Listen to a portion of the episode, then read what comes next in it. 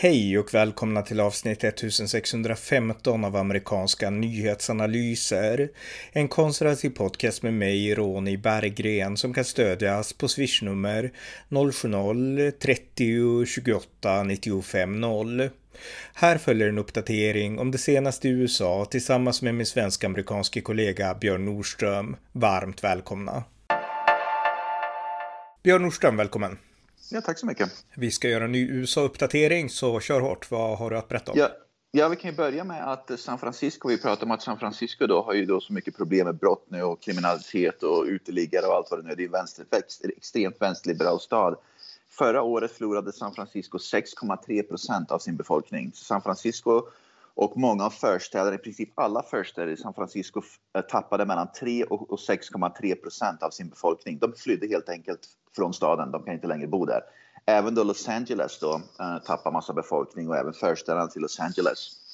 Och det är också med brottsligheten att göra också. Med, båda ligger i Kalifornien som är vänsterliberalt. Delstater, och jag tror vi nämnt det förut, dit människorna flyttar istället är Arizona, Texas och Florida, vilket är republikanska delstater. Och, jag, och det, det, är intressant bara att notera då att människor flyr från, från eh, uh, vänsterliberala delstater i konservativa republikanska. Och jag såg en lista igår som, som gavs ut av CNBC, vilket är en vänsterliberal media, där de, pratar om, där de listade de tio bästa delstaterna att bo i. Alla tio bästa delstaterna de listade var vänsterliberala. Washington, Oregon, New Jersey, Vermont alla de tio delstaterna som listades då av den vänsterliberala median har tappat befolkning. Ingen av de delstaterna som har vad heter det, gained, som har ökat i befolkning, som Arizona, Texas, Florida, var listade som, som en av de tio bästa delstaterna att bo i. Så man ser verkligen skillnaden på media i USA, som då i teorin listar alla vänsterliberala delstater som de absolut bästa att bo i. Men människorna i verkligheten flyr från precis de delstaterna och istället Eh, Eh, bo, bosätter sig i de republikanska delstaterna som ligger sist på de där listorna som, som då vänsterliberala medier då listar som, som bästa och sämsta delstater att bo i. Det är ett otroligt gap mellan, mellan media och människornas verklighet, hur människorna agerar i verkligheten. Och det är intressant att du använder ordet, alltså att, att, att flykt istället för att de bara flyttar, utan du pratar om en flykt. Ja, absolut. Det är för att man ser det. Jag, jag deltar i sådana här grupper då. Flytta till Arizona, bo och leva i Arizona och så vidare. Jag är med i sådana här Facebookgrupper då. För det är intressant för, för, att när jag flyttade hit då, då var jag med i grupperna för att lära mig. Man behöver ju hjälp med vissa saker som man pratar med människor. Så skaffar man sig vänner genom de grupperna och så vidare. Va?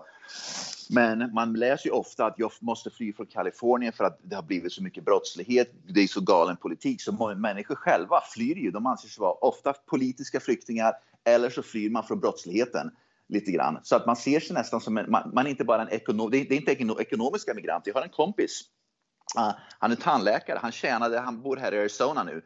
Han jobbar i Kalifornien så han, han åker dit ett par dagar i veckan och bor på hotell för han tjänar mycket mer pengar i Kalifornien som tandläkare än han gör i Arizona. Men han kan inte längre bo där för brottsligheten, kriminaliteten är så hög. Mm. Så de vågar inte bo där med sin familj längre. Och han har bokstavligen flytt mm. från kriminaliteten. Men han vill fortfarande jobba där ett par dagar i veckan just för att han tjänar mycket mer pengar där. Alltså vi, vi borde nästan hitta på ett nytt begrepp för det här fenomenet, liksom flytt-flykt skulle man kunna säga. Alltså när man på något sätt, man flyttar, men det är dels inte frivilligt, utan det är liksom också för att omständigheterna har lett till, alltså problem som man helst bara vill komma ifrån, även om man kanske allra helst hade velat bo kvar där man har rotat sig. Så att flytt-flykt kan vi lansera nu.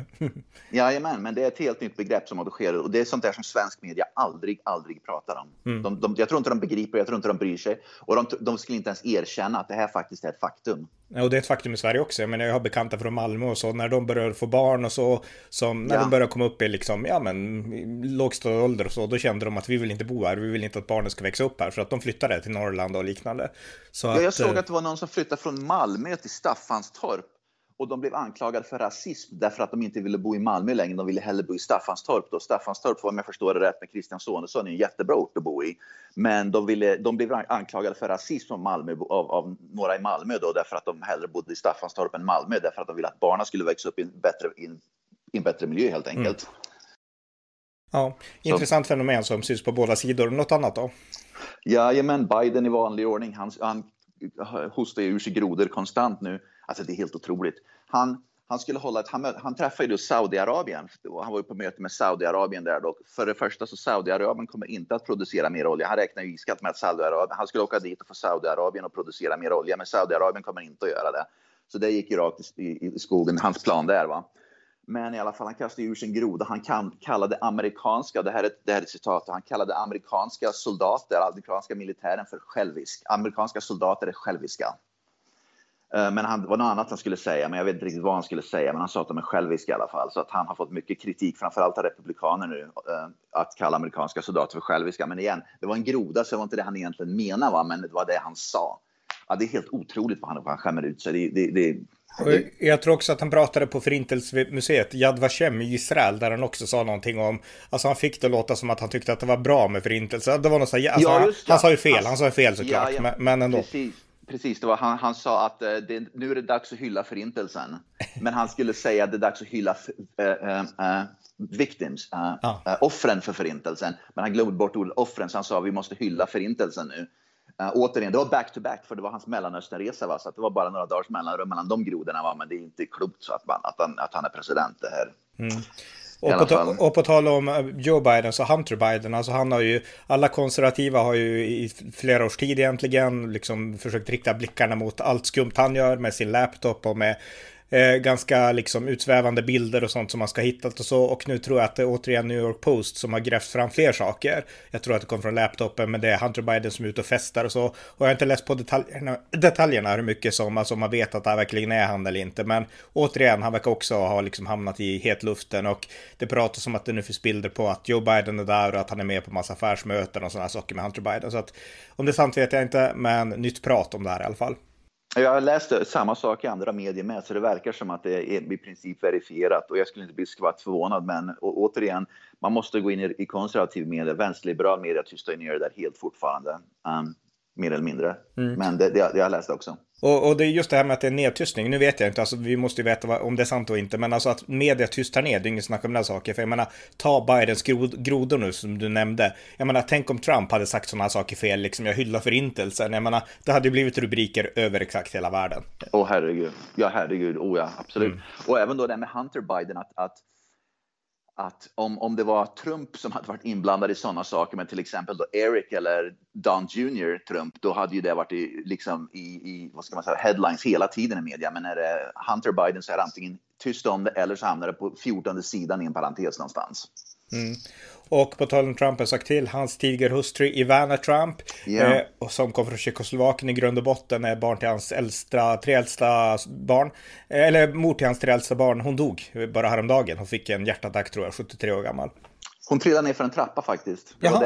Obducenten sa att det var inte hjärtattack utan hon trillade ner för en trappa och skadade och slog ihjäl sig helt enkelt. Hon trillade ner för trappan. Familjen då har tydligen varnat för den där trappan och bett henne om att det kanske är dags att flytta eller göra någonting om trappan därför att trappan är tydligen, jag vet, jag har inte sett trappan själv, men den är tydligen, det är stor risk att man ska trilla och slå sig. Hon, är, hon var 73 år tror jag, så att hon var ju lite av den äldre modellen. Så att det är kanske svårare att gå upp och ner för trappor, men, men att hon, hon trillade ner för trappan och slog ihjäl sig helt enkelt. Mm. Ja. Ja, så okay. Donald Trump hade, han hade ett torgmöte, jag tror det var Iowa eller något sånt där igår, men han ställde in det just för att han inte, ja, just för att det här hade hänt för två, tre dagar sedan. Mm, just det. Eh, och det intressanta med henne, jag nämnde henne i, i, min bok, Donald Trump är synnerligen amerikansk president, därför att hon, hon kommer från Tjeckoslovakien, så det var hon som på något sätt lärde Donald Trump mycket om kommunismen och hur det var bakom ja. järnridån och så, så att en viktig person i Trumps liv. Jajamän. Mm. Ja, fortsätt. Ja, Alexander Ocasio-Cortez är en otroligt, vad ska man säga, hycklande människa. Hon var en av de, minsta, vi har pratat om det, klart du minns det, men vi har pratat om det att Brett Kavanaugh, han blev, blev mordhotad för några veckor sedan.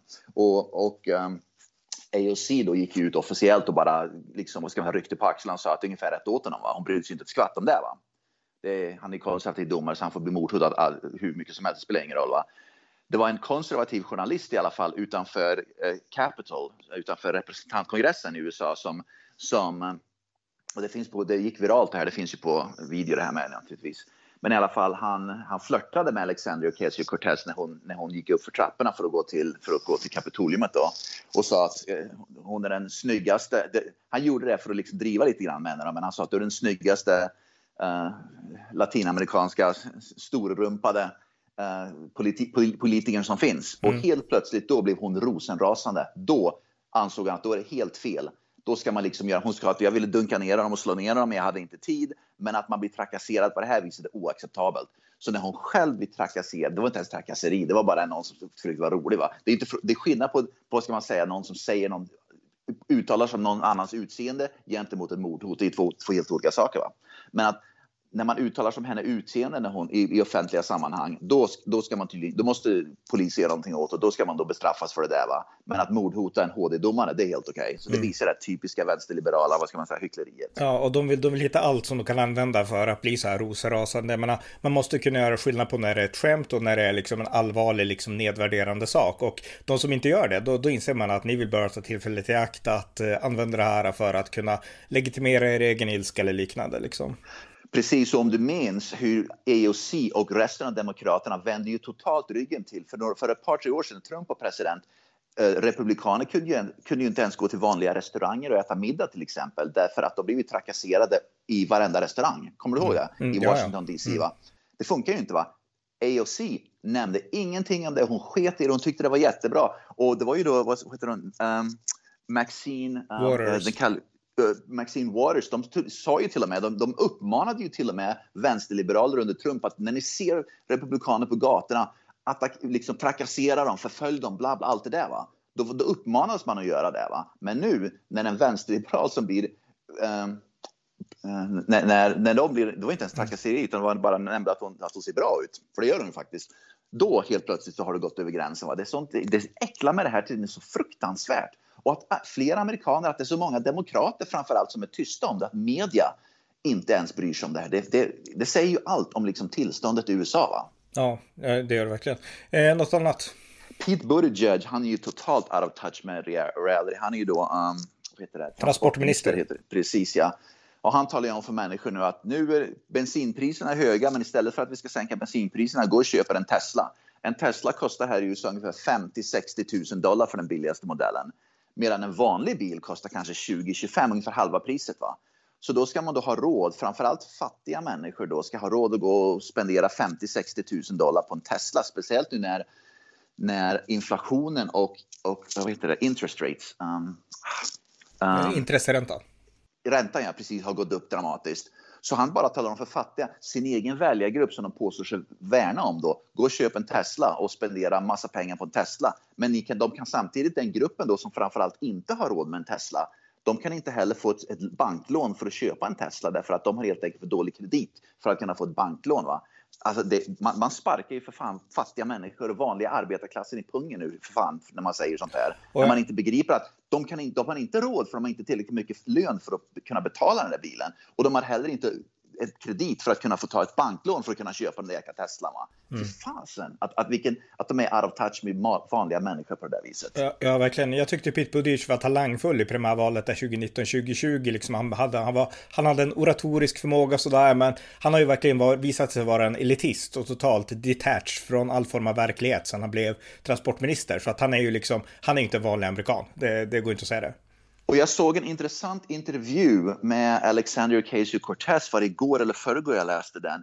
De intervjuade henne. Hon erkände att när hon hamnade i kongressen så blev hon out of touch med sin eget valdistrikt och med sin egen, vad ska man säga, med sin egen befolkning i sitt eget valdistrikt, med sina egna constituents. Att hon har blivit, hon erkände i princip indirekt erkände hon att hon blivit en elit som har tappat eh, liksom, verklighetsförankringen med sitt eget valdistrikt, med sina egna väljare. Att man blir en, en elitist då. Och det är precis det som Demokraterna då anklagar Republikanerna för genom åren. Men Republikanerna nu, det här är väldigt intressant när man ser hur den amerikanska politiken har förändrats genom åren.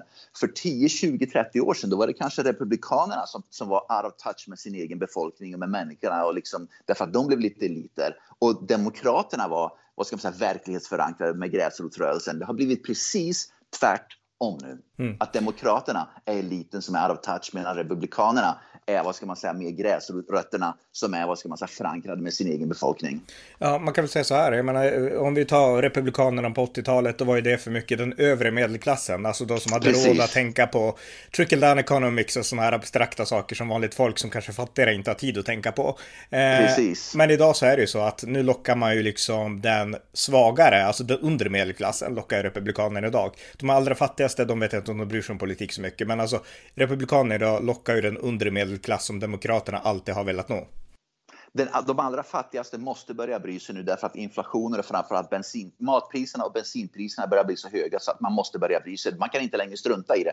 Och du har rätt, för bara två, tre, fyra år sedan, förra presidentvalet, så många fattiga struntar fullständigt. som att den jag röstar på, det spelar ingen roll helt enkelt därför att liksom det, det på, jag påverkar ingenting. Va? Men nu när bensinpriserna och matpriserna är så höga att man inte längre har råd att handla mat och råd att tanka bilen, va? då har man inte längre något val. Man måste börja rösta. Så jag, min gissning, är, men jag kanske har helt fel, min gissning är att, att antalet och andelen som röstar i höstens kongressval kommer att vara högre än normalt. Därför att folk är så förbannade nu att, de, att priserna är så höga. Och vilka är det som får skulden för det? Naturligtvis de politikerna som styr Demokraterna i kongressen och president Biden. Mm. Så min gissning är att, att gräsrötterna nu som normalt kanske inte röstar, röstar i ett större antal och andel därför att man helt enkelt, man, må, man måste ha en förändring. Man, man hoppas att det är enda chansen att få förändring mm. i priserna.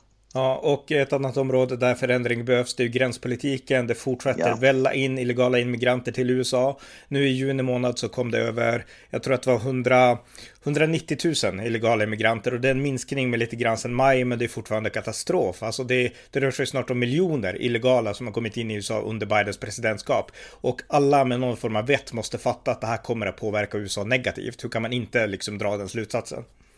Ja, absolut gör det det. Och det finns en flicka som bor i Ohio som är påverkad negativt. Jag vet inte om du har pratat om det, men efter den här abort, det här abortbeslutet Roe vs Wade då, av Högsta domstolen då, delstaten Ohio har ju, har ju nu ett abortförbud. Det var en tioårig flicka som jag tror rapporterades till mig i svensk media, men rapporter, de rapporterar inte sanningen, hela liksom, historien om det här. Det var en tioårig flicka i delstaten Ohio som tvingas åka till eh, delstaten Indiana för att göra en abort. I alla fall därför att hon var gravid. Och eh, på tal om illegal invandring, personen som våldtog henne, så hon blev våldtagen och blev gravid genom en våldtäkt, det var en illegal invandrare från Guatemala. Och det var mm. naturligtvis något som svensk media inte tog upp, därför att det passar inte narrativet såklart. Just det. Mm. Eh, nej, då betonar man säkert mer då att han be behövde byta delstat för att kunna göra bort den skulle jag gissa.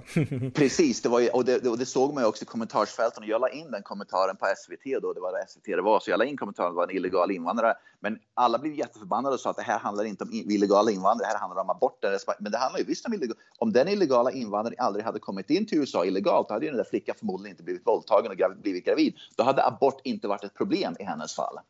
Mm. Just det. Eh, precis. En annan sak som jag tänkte slänga in här då, det har att göra med att en domare, Joe Biden, han vill ju att transsexuella, alltså transgenders rättare sagt, att de ska få använda vilket badrum de vill i det offentliga. Alltså en man som har bytt kön, han ska få använda kvinnors, flickors omklädningsrum eller eh, toaletter och så. Men nu har en domare eh, som tillsatts av Donald Trump, han har stoppat det här. Så att nu får transgenders inte välja fritt vilka badrum de vill gå till. Sen kommer det säkert överklagas, men det är ändå, det är ett steg i rätt riktning och det är ett, eh, ja, eh, en stoppskylt för Biden här. Mycket intressant och på tal om, på tal om det. Eh, vi pratade, det var du som nämnde det för några veckor sedan att det var eh, biologiska kvinnor som blev gravida av biologiska män som blev transgenders så i, i fängelser i New Jersey. Nu har det ytterligare blivit två biologiska kvinnor. Bara för några dagar sedan kom framkom det i samma delstat New Jersey att biologiska kvinnor, två biologiska kvinnor i fängelser i New Jersey har blivit gravida av en transgender. Mm. Och den transgender nu, nu har man börjat komma på då äntligen i New Jersey att det börjar bli ett problem. Så nu måste man bygga i princip ett tredje typ av fängelse. Det finns, det finns ju fängelse för män, för kvinnor och nu måste man börja bygga fängelse eller hitta, fast, liksom, hitta liksom ställen, facilities, där man kan sätta transgender-fångar. Uh, så man måste bygga en tredje typ av fängelse nu för transgenders ungefär i New Jersey för att lösa det där problemet. Mm, ja, just det. Ja, eh, just det. Ja, något annat? Jajamän, utmärkta nyheter. Joe, uh, Joe Manchin, han är då senator från delstaten West Virginia. Han är demokrat, men West Virginia är ju väldigt kraftigt och republikanskt. Han vägrar ställa upp, fullständigt vägrar ställa upp på det här klimat och skatte... Demokraterna håller ju på just nu att lägga fram i, i senaten då en sån här, vad heter det, en sån här stor motion då, där de vill spendera liksom hur mycket pengar som helst, som är skattebetalarnas pengar naturligtvis. Och eh, i den motionen då som har med budget att göra naturligtvis då så vill de kasta in massa klimat och skattegrejer. Eh, men Joe Manchin vägrar ställa upp på det eftersom kongressen är, eh, förlåt, eftersom senaten är 50-50 då, 50 procent, hälften demokrater, hälften republikaner, så är en enda republikan, eh, förlåt, en enda röst kritisk då. Så Manchin hoppar över till republikanerna och kommer förmodligen att stoppa den där galna, äh, galna motionen i alla fall, vilket är alldeles utmärkta nyheter. Så att han är ju, han är ju hjälte i West Virginia, men i vanlig ordning så hatas och hetsas det mot honom nu från demokratiskt håll. Just det. Mm. Eh, en annan sak som man kan nämna, vi pratade om den här eh, skolskjutningen i Uvalde, Texas. Nu har det kommit ut en video som, eh, jag har faktiskt inte sett den ens, men jag har bara läst om att det kommit ut en video som visar att polisen var, de var där väldigt tidigt, men de var extremt passiva och gjorde i princip ingenting trots att de kunde. Och jag tror att det här har man pratat om tidigare, men nu finns videon ute. Jag har inte sett den, jag vet inte om du har, om du uppmärksammar den någonting där. Jag har sett delar av den. Och uh, de hade tydligen stora möjligheter att, att skjuta ihjäl den här nissen då redan tidigt, men de valde att inte göra min gissning. Jag har ingen aning om, så det här är bara min spekulation, men jag tror att de var rädda.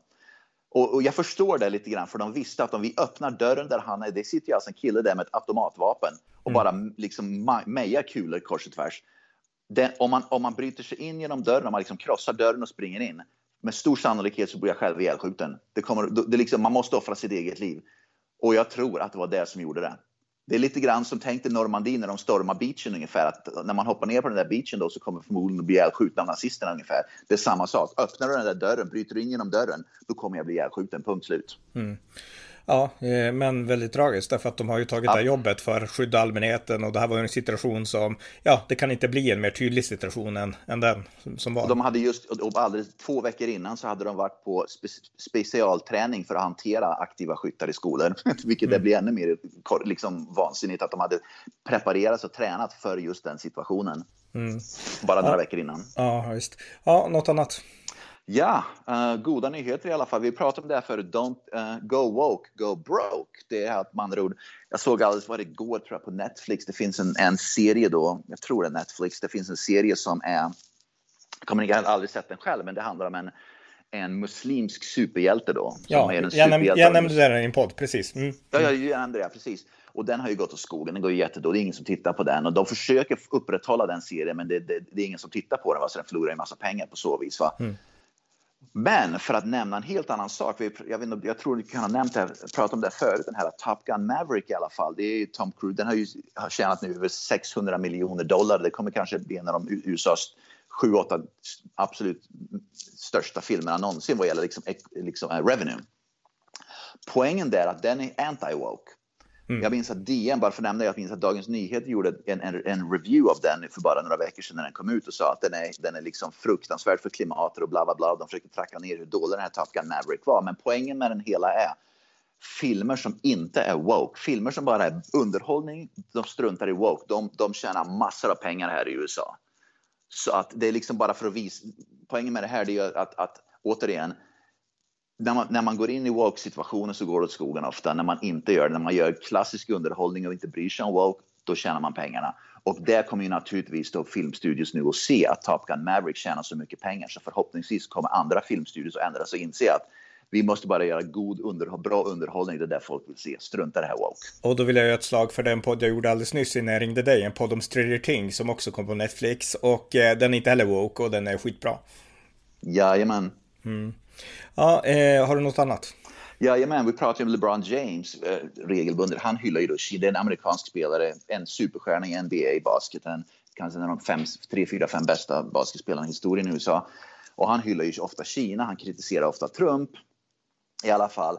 Och sen har vi pratat om det förut för något år eller två år sedan. Det finns en annan basketspelare som heter Enos Kanter Freedom. Han, är, han har bytt sitt namn, så kallar sig själv för Freedom nu, så han bytt namn. Han är i alla fall från Turkiet. Och Turkiet är väl mer en diktatur än, än, en, än en, en, demokrati kan man väl tycka. Mm. I alla fall. Men Enos Cantor Freedom från Turkiet bara för ett par dagar sedan twittrade ut, och, twittrade ut och sa att LeBron James, så LeBron James gjorde någon slags uttalande om, om, om USA och kritiserade, och, vad ska man säga, republikanerna, konservativa USA och allt det där.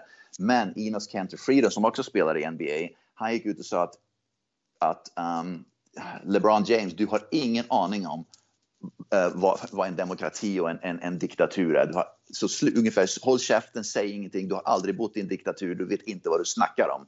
Så lägg det inte i politiken ungefär, vilket är alldeles utmärkt. För det är det du och jag har sagt förut, de här stenrika basketstjärnorna som, har, som, som bara har gått high school ungefär uttalar sig om saker och ting som de inte har någon aning om vad de snackar om. Va? Så att, han, att stödja Kina och, då, och sen kritisera USA och så vidare. Va? Att det är liksom poppis ungefär. Men att det finns i alla fall en annan en basketspelare, proffsbasketspelare som kritiserar LeBron James för, för att helt enkelt vara korkad och inte vet vad han snackar om. Som kommer från en diktatur. Ja, precis, exakt. Eh, bra, eh, du har lärt mig lite mer om sport. Vi har nämnt de här förut, men nu har det fastnat att vi pratar om basketspelare. Så att... Jajamän. Ja. ja, och det påminner väldigt mycket om det här um, om de här uh, från Kuba som då hjälpte till att rösta fram då eh, Donald Trump 2016. Då. Det var ju framförallt Kuba-amerikanerna i, i södra Florida som röstade fram Donald Trump 2016 som, som bokstavligen sa att vi vet vad det, är, vad, det, vad det är att bo i en diktatur så vi vill aldrig se en diktatur i USA ungefär och därför röstar vi Donald Trump därför att alternativet är Demokraterna och då blir det mer diktatur helt enkelt. Så att de, de, de begriper vad som pågår och de, de vågar prata ut om det också. Mm, precis. Eh, ja, något, något, annat? Biden hade en, en, en, en framgång i alla fall nu. Jag, jag, jag, vi har pratat om det förr. Jag kommer inte på en enda grej som Biden har gjort som man kan säga det här är en framgångssaga för Biden. Men han hade i alla fall en framgång nu.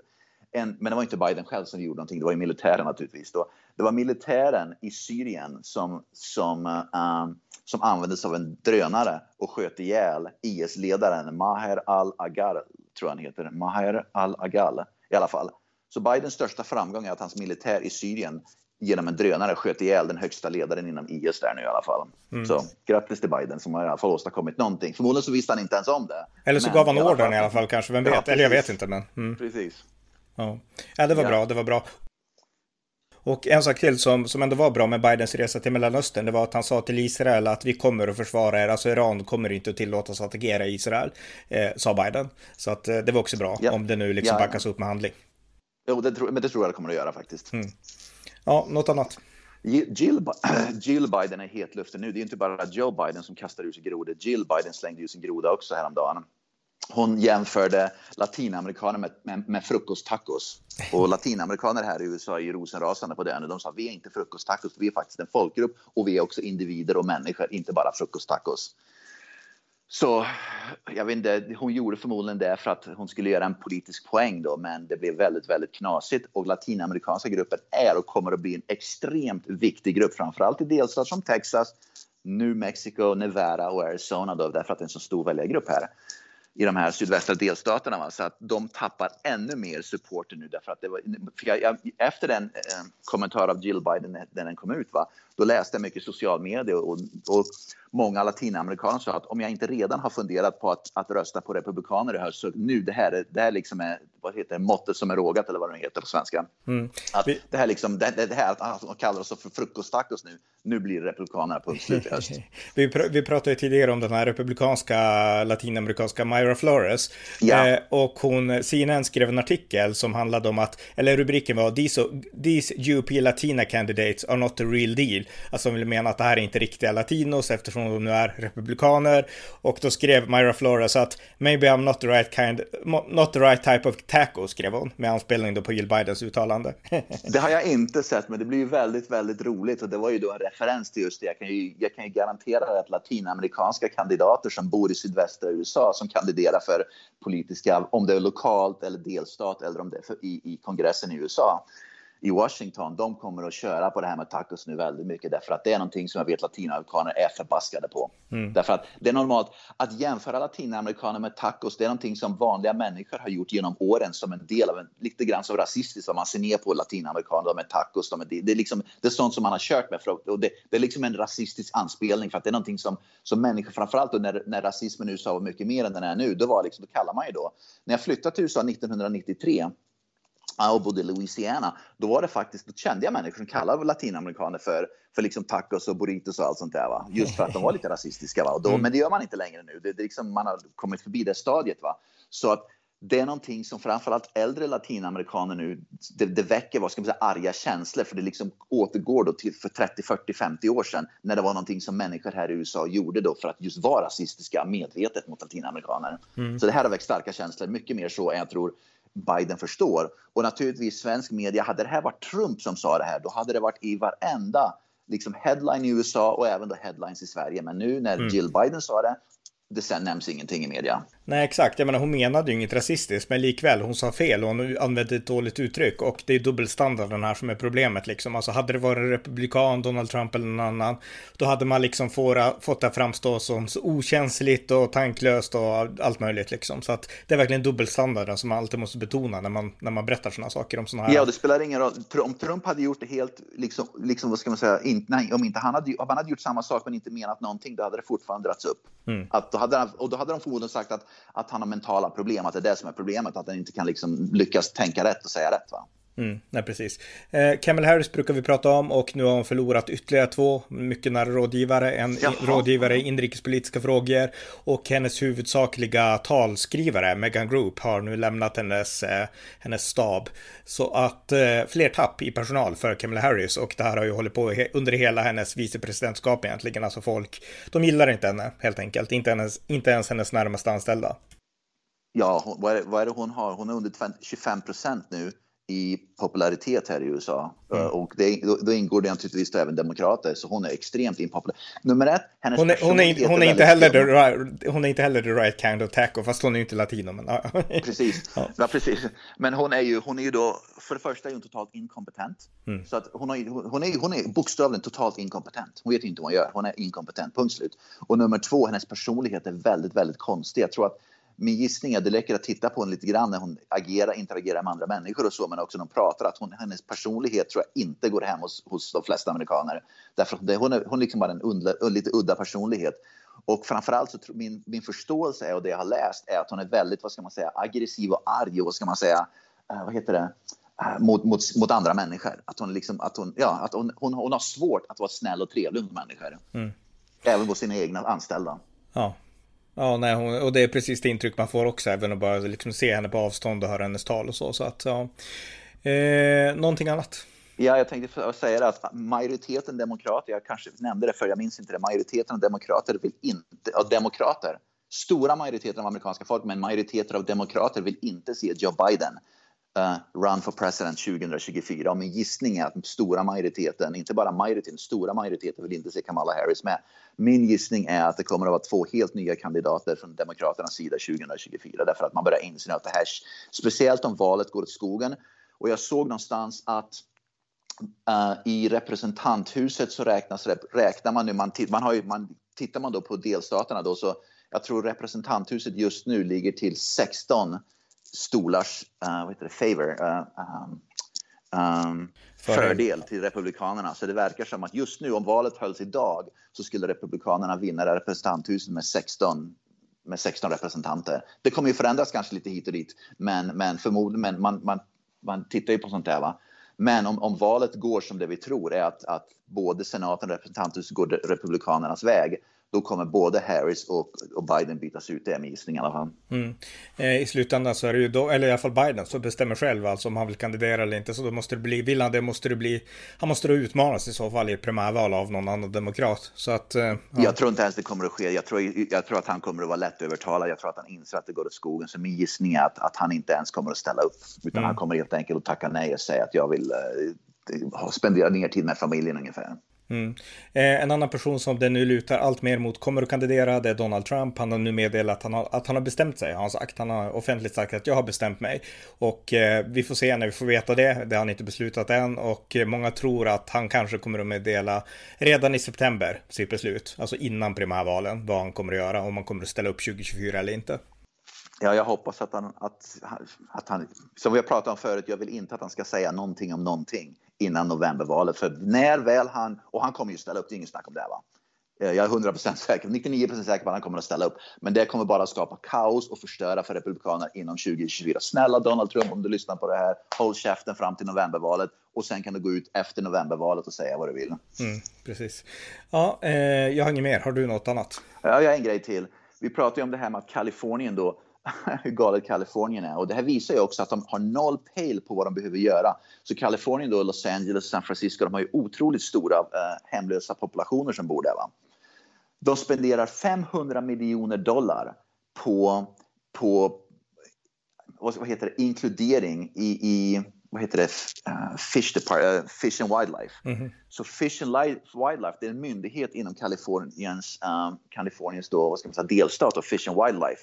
De spenderar 500 miljoner på hur Fish and Wildlife, man andra jag vet inte vad det heter på motsvarigheten på svenska. Ja, men miljödepartement eller någonting lokalt. Precis, precis. Ja. Det är ett slags mm. miljödepartement i delstaten Kalifornien. 500 miljoner dollar på att, på att göra miljödepartementet i Kalifornien mer inkluderande och mer, eh, mer rättvist och mer equity i hela det där köret. Va? Samtidigt som då det finns hur många tusen vet jag inte hemlösa som bor på tält på gatorna i Kalifornien som inte har råd med och liksom, som bor på tält i gatorna och, och använder liksom gatorna som toaletter och allt sånt där. Va? Mm. Och det visar ju hur out of touch de här politikerna, framförallt Gavin Newsom, han är ju en elitist då, men det visar hur out of touch de är. Att istället för att ta hand om och hjälpa fattiga människor då i Kalifornien att kanske då komma bort från den här äh, hemlösheten då, kanske få någon bostad någonstans, då spenderar man det på, på på, liksom det här woke, på woke-grejer inom miljödepartementet. Alltså det är helt otroligt. Ja, verkligen. Man bryr sig inte om fattiga människor överhuvudtaget. Nej, inte på riktigt, bara i teorin liksom. Att, Precis. Ja. ja, vad bra, men då har vi fått en ja. uppdatering, så tack Björn. Tack så mycket. Tack för att ni har lyssnat på amerikanska nyhetsanalyser. En podcast som ni gärna får stödja på swishnummer 070-30 28 95 0 eller via hemsidan på Paypal, Patreon eller bankkonto. Jag vill även mana er som har möjlighet att stödja valfri Ukraina-hjälp med en slant. Vi måste vara uthålliga i kampen mot den ryska imperialismen. Tack för att ni har lyssnat och allt gott tills nästa gång. Thank you.